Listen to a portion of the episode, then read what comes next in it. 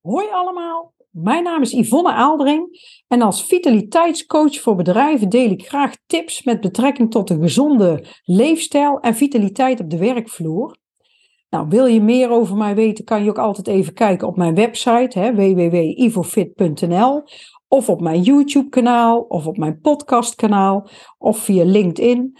Maar uh, ik wens je in ieder geval veel uh, luisterplezier. Want vandaag heb ik uh, weer een uh, thema wat eigenlijk heel erg actueel is. Ik ga het namelijk hebben over ziekteverzuim.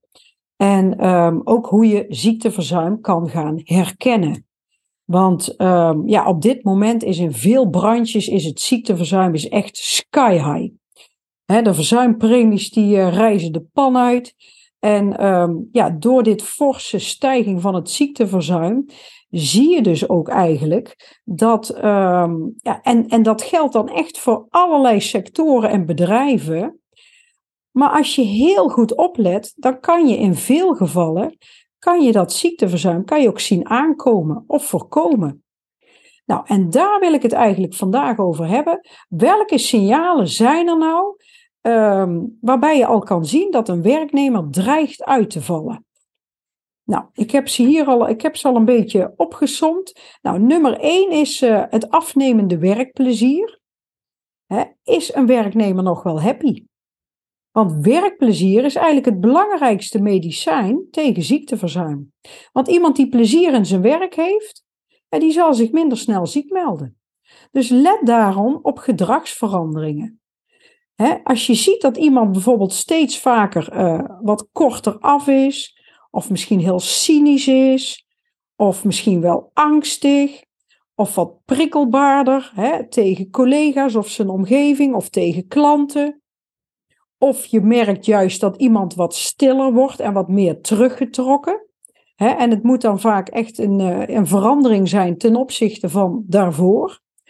Of je ziet dat iemand heel besluiteloos wordt, want dat geeft vaak aan dat mensen minder goed in hun vel zitten, hè, dat het niet lekker loopt.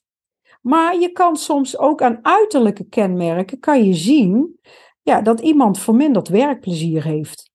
En waar kan je dan op letten? Hè? Nou, dan zie je bijvoorbeeld dat iemand uh, wat vermoeider oogt. Hè? Of dat hij futloos is, of dat hij wat slordiger wordt in zijn werk, of ook misschien wel in hoe hij zich kleedt. Of dat iemand wat meer afwezig is. iemand zijn hoofd zit heel erg vol. Of het is heel erg druk, iemand ervaart druk. Nou, dat zijn eigenlijk allemaal signalen waaruit je kan afleiden ja, dat er gewoon wat minder werkplezier is. maar wat bijvoorbeeld ook een teken kan zijn, is dat iemand vaker te laat komt. Hè? Uh, ja, dat is vaak ook een teken aan de wand.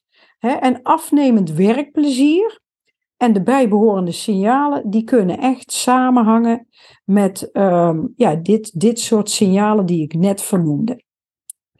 Um, de tweede uh, oorzaak kan zijn een conflict met een collega. Kijk, een conflict, conflict op het werk Dat kan echt een oorzaak zijn van regelmatig kort verzuim, maar uiteindelijk zelfs van langdurig verzuim. En let dan vooral heel goed op de volgende signalen en probeer die op tijd in de kiem te smoren.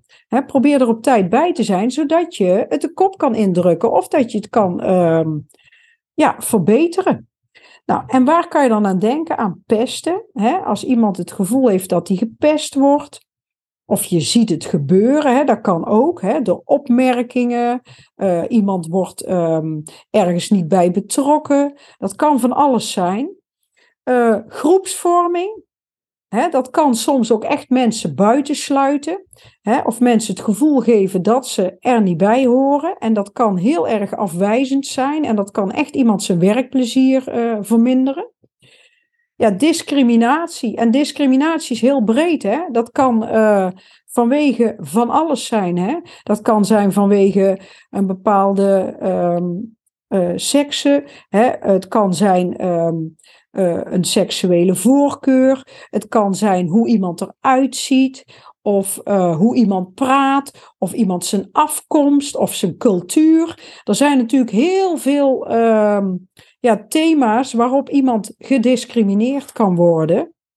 Maar ehm, ja, voor de persoon zelf uh, vermindert het echt het werkplezier en kan het echt voor verzuim uh, zorgen. Uh, agressie en geweld, ja, dat is natuurlijk sowieso is dat niet wenselijk op de werkvloer, eigenlijk nergens. Hè. En, um, maar ja, dat geeft ook vaak geeft dat uitval. En um, ja, dat is iets wat je ook niet altijd meteen ziet. Maar um, ben daar in ieder geval heel alert op. En die agressie en geweld, dat kan natuurlijk ook voortkomen uit klantencontacten. Dat hoeven niet altijd collega's te zijn, hè, maar dat kan ook ergens anders vandaan komen. Hè, ik coach bijvoorbeeld buschauffeurs en die hebben ook wel eens met agressie op de bus te maken door passagiers. En dat kan er toch enorm inhakken. Een slechte werksfeer, dat, um, ja, dat is ook heel bepalend. Dat geeft ook heel veel uh, ja, stress, onrust. Mensen hebben daardoor minder werkplezier. En ja, wat dan eigenlijk een hele belangrijke is, is dat mensen zich veilig kunnen voelen op hun werkplek. Nou, en dan kom ik meteen bij het volgende uit, dat is onveilig werken. Als een werknemer niet veilig werkt, dan is de kans op een bedrijfsongeval natuurlijk veel groter. En dat kan leiden tot blessures, um, ja, dat kan leiden tot um, klachten, uh, langdurig verzuim. Dus let daarbij ook echt op allerlei signalen die, um, ja, die aangeven dat misschien de werkplek onveilig is. En dat kan zijn doordat mensen klagen over hun werkplekken, dat ze het echt letterlijk uitspreken, of dat ze zelf aankomen met dingen die ze graag verbeterd willen zien. Nou, neem dat ook echt serieus. Maar um, ja, geen pauzes nemen geeft, kan ook onveilige uh, situaties geven. Hè, waardoor de druk te groot wordt en waardoor iemand misschien ook wel meer eerder fouten gaat maken.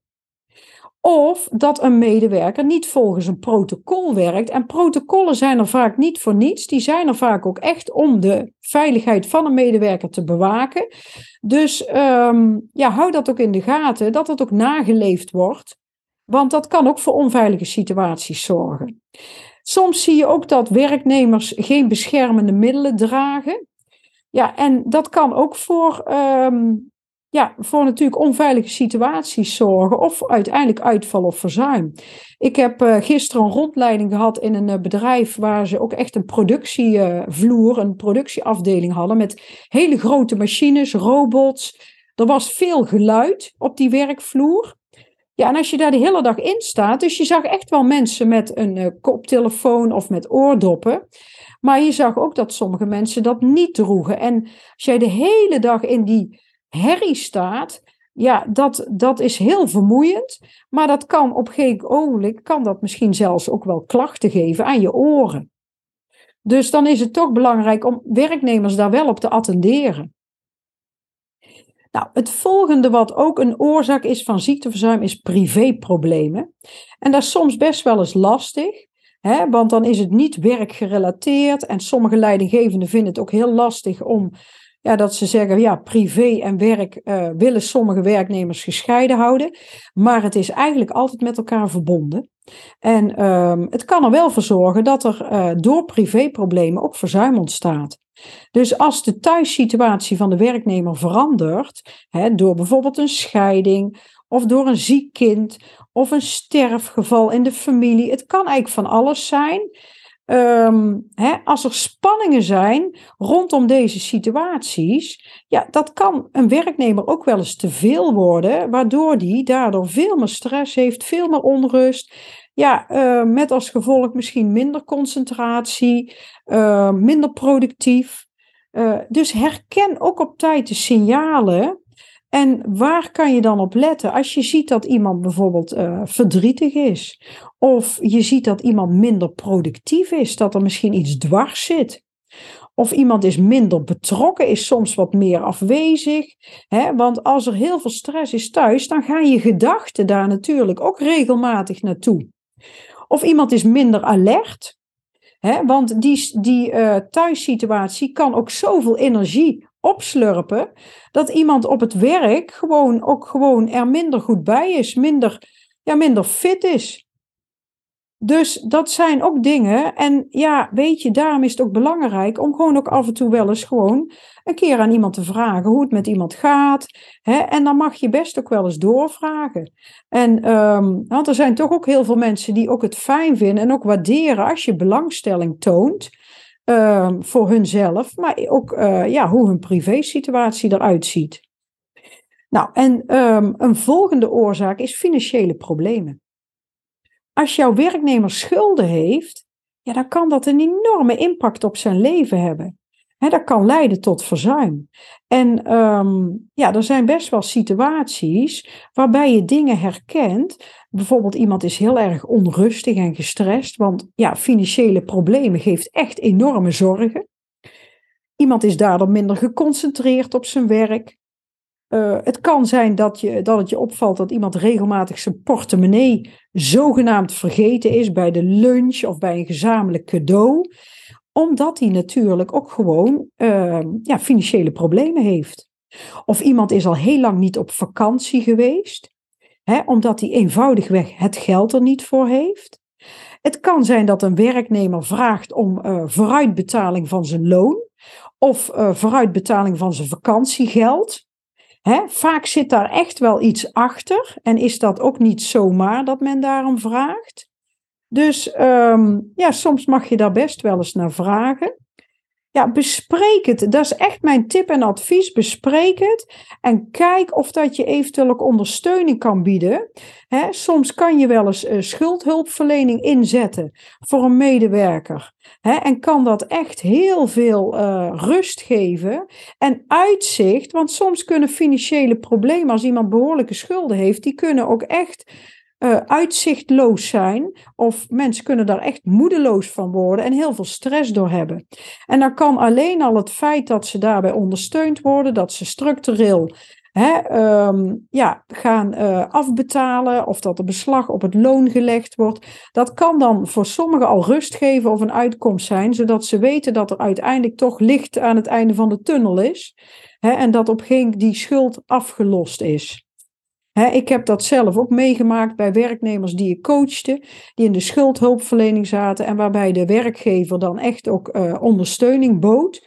En uh, waardoor ze uiteindelijk toch uh, die schulden konden afbetalen en weer vrij waren, hè? weer zelf hun geld konden besteden. En ja, dat gaf wel zoveel rust. Ja, een toenemende werkdruk is ook echt een oorzaak van uh, meer verzuim. En uh, zeker in de huidige tijd zien we dat, omdat er veel personeelstekorten zijn. Maar ook omdat het verzuim heel hoog is, zie je dat de werkdruk toeneemt voor degene, ja, uh, de collega's, om het zo maar even te zeggen. En die oplopende werkdruk, ja, dat kan uiteindelijk in, ja, in, in ja, verzuim uitmonden. Nou, als werkgever kun je dit natuurlijk goed in de gaten houden. En ja, let dus echt op dat iemand niet ondersneeuwt in het werk. En herken ook de signalen bij een werknemer. En um, als je bijvoorbeeld ziet dat iemand pauzes overslaat, ja, dan weet je dat er heel veel druk is. En juist die pauzes zijn soms belangrijk om even die accu op te laden, zodat ze ja, toch weer wat productiever uh, hè, de tweede helft van de dag ingaan of weer wat geconcentreerder zijn. Dus vaak sla je de plank mis als je juist de pauzes overslaat. Iemand werkt regelmatig over hè, of gaat later naar huis. Dat is ook een teken vaak dat er heel veel werkdruk is. Of iemand is heel gehaast en snel geïrriteerd. Hè, heeft, uh, heeft soms niet meer het overzicht. Um, of maakt heel veel fouten. Is minder geconcentreerd. Ja, dat is vaak een teken hè, dat er toch uh, ja, dat de werkdruk te veel is. Of iemand is niet bereid om zijn collega's te helpen dan uh, kan je ook afvragen hoe komt dat? Omdat ze er gewoon eenvoudigweg niet bij kunnen hebben en zelf al uh, aan hun tak zitten. Dus er zijn allemaal signalen waardoor je weet van nou de werkdruk is hoog en ga dan kijken hoe dat je daar ja, misschien um, ja, toch uh, een oplossing voor kan verzinnen. Dat je taken anders verdeelt of dat je toch kijkt of dat je ondersteuning kan regelen. Hè, er zijn vaak wel meerdere mogelijkheden. Maar het is al heel belangrijk ook om het te bespreken en samen met iemand te kijken van nou, kunnen we nog dingen misschien anders organiseren, anders indelen, hè, efficiënter werken, noem maar op. En dan heb ik als laatste, als zevende oorzaak, heb ik uh, fysieke en psychische klachten. Ehm, ja, daar, daar zijn natuurlijk ook dingen die uiteindelijk in verzuim kunnen uitmonden. Want als iemand fysiek of mentaal minder fit is, kan die minder hebben, is zijn weerbaarheid is lager. En um, ja, daardoor zien we dat dat meer verzuim oplevert. En soms kan het zijn dat een werknemer, werknemer zelf klaagt en zelf aangeeft wat er speelt. Maar soms hoor je het ook wel eens via een collega of via een ander. Maar neem het serieus en um, ja, ga ermee aan de slag. Want um, dit zijn echt wel signalen. Als je daar vroegtijdig mee aan de slag gaat, dan kan je vaak toch al heel veel dingen kan je voorkomen. Dus verzuim beperken is echt ook kom in actie. En wat kan je nou zelf als werkgever, als, als leidinggevende doen met deze signalen? Nou ja, zorg in alle gevallen dat je in ieder geval in actie komt en laat zien dat je betrokken bent aan die werknemer. maak regelmatig een praatje, weet wat er leeft uh, onder je medewerkers op de werkvloer. vraag ook hoe het gaat. Um, en vraag soms ook maar eens van, um, uh, heb je genoeg werk? Is het te veel? Um, loop je ergens tegenaan? Het enige wat helpt is inderdaad vragen. En zorg dat je bijvoorbeeld bij functioneringsgesprekken, dat er genoeg tijd is voor feedback dat er echt ruimte is. Ook, um, en kijk ook, laat ook merken dat er ruimte is ook voor gesprekken tussendoor. Dat mensen ook echt, als ze ergens tegenaan lopen, dat je ook laat zien dat ze welkom zijn. Dat je open staat om mee te denken, om het gesprek aan te gaan. Want als mensen al een drempel voelen of het idee hebben dat ze niet gehoord worden, ja, dan gaan ze vaak toch uh, in stilte lijden. Maar um, ja, dat willen we niet, want dat leidt weer eerder tot verzuim. Ja, en vergeet ook het verzuim wat er is tijdens het functioneringsgesprek. Uh, vergeet niet om dat te bespreken. Daar heb je zelfs ook aparte, uh, ja, je hebt functioneringsgespreksformulieren en neem daar het verzuim ook in op. En kijk ook samen met de medewerker van, uh, ja, of dat er dingen zijn, ja, waar misschien uh, verzuim wat misschien voorkomen had kunnen worden.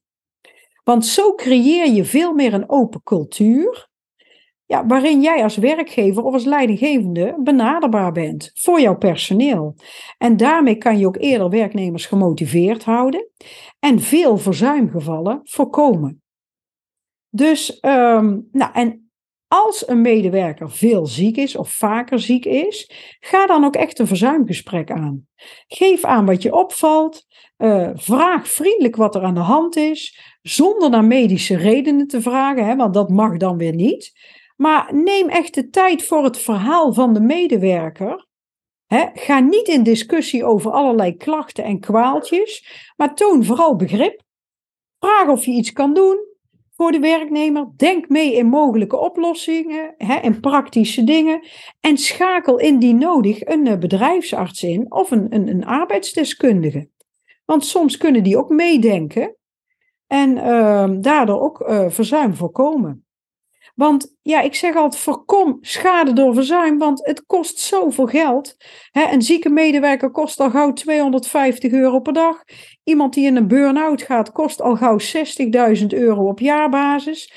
en ehm, ja, dan heb ik het nog niet over. Uh, als iemand echt uitvalt, moet je soms nog 10 jaar de werkgeverslasten doorbetalen. Alles bij elkaar kost het ongelooflijk veel geld uh, voor een werkgever. En uh, dat geld dat kan je soms ook besparen. Dus um, ja, ik hoop dat dit toch weer wat uh, inzichten gegeven heeft.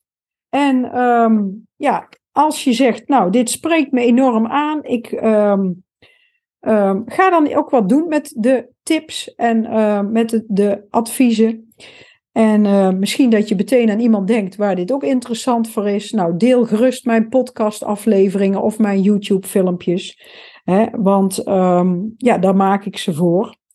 En um, ja, ik zou zeggen, graag tot een volgende keer.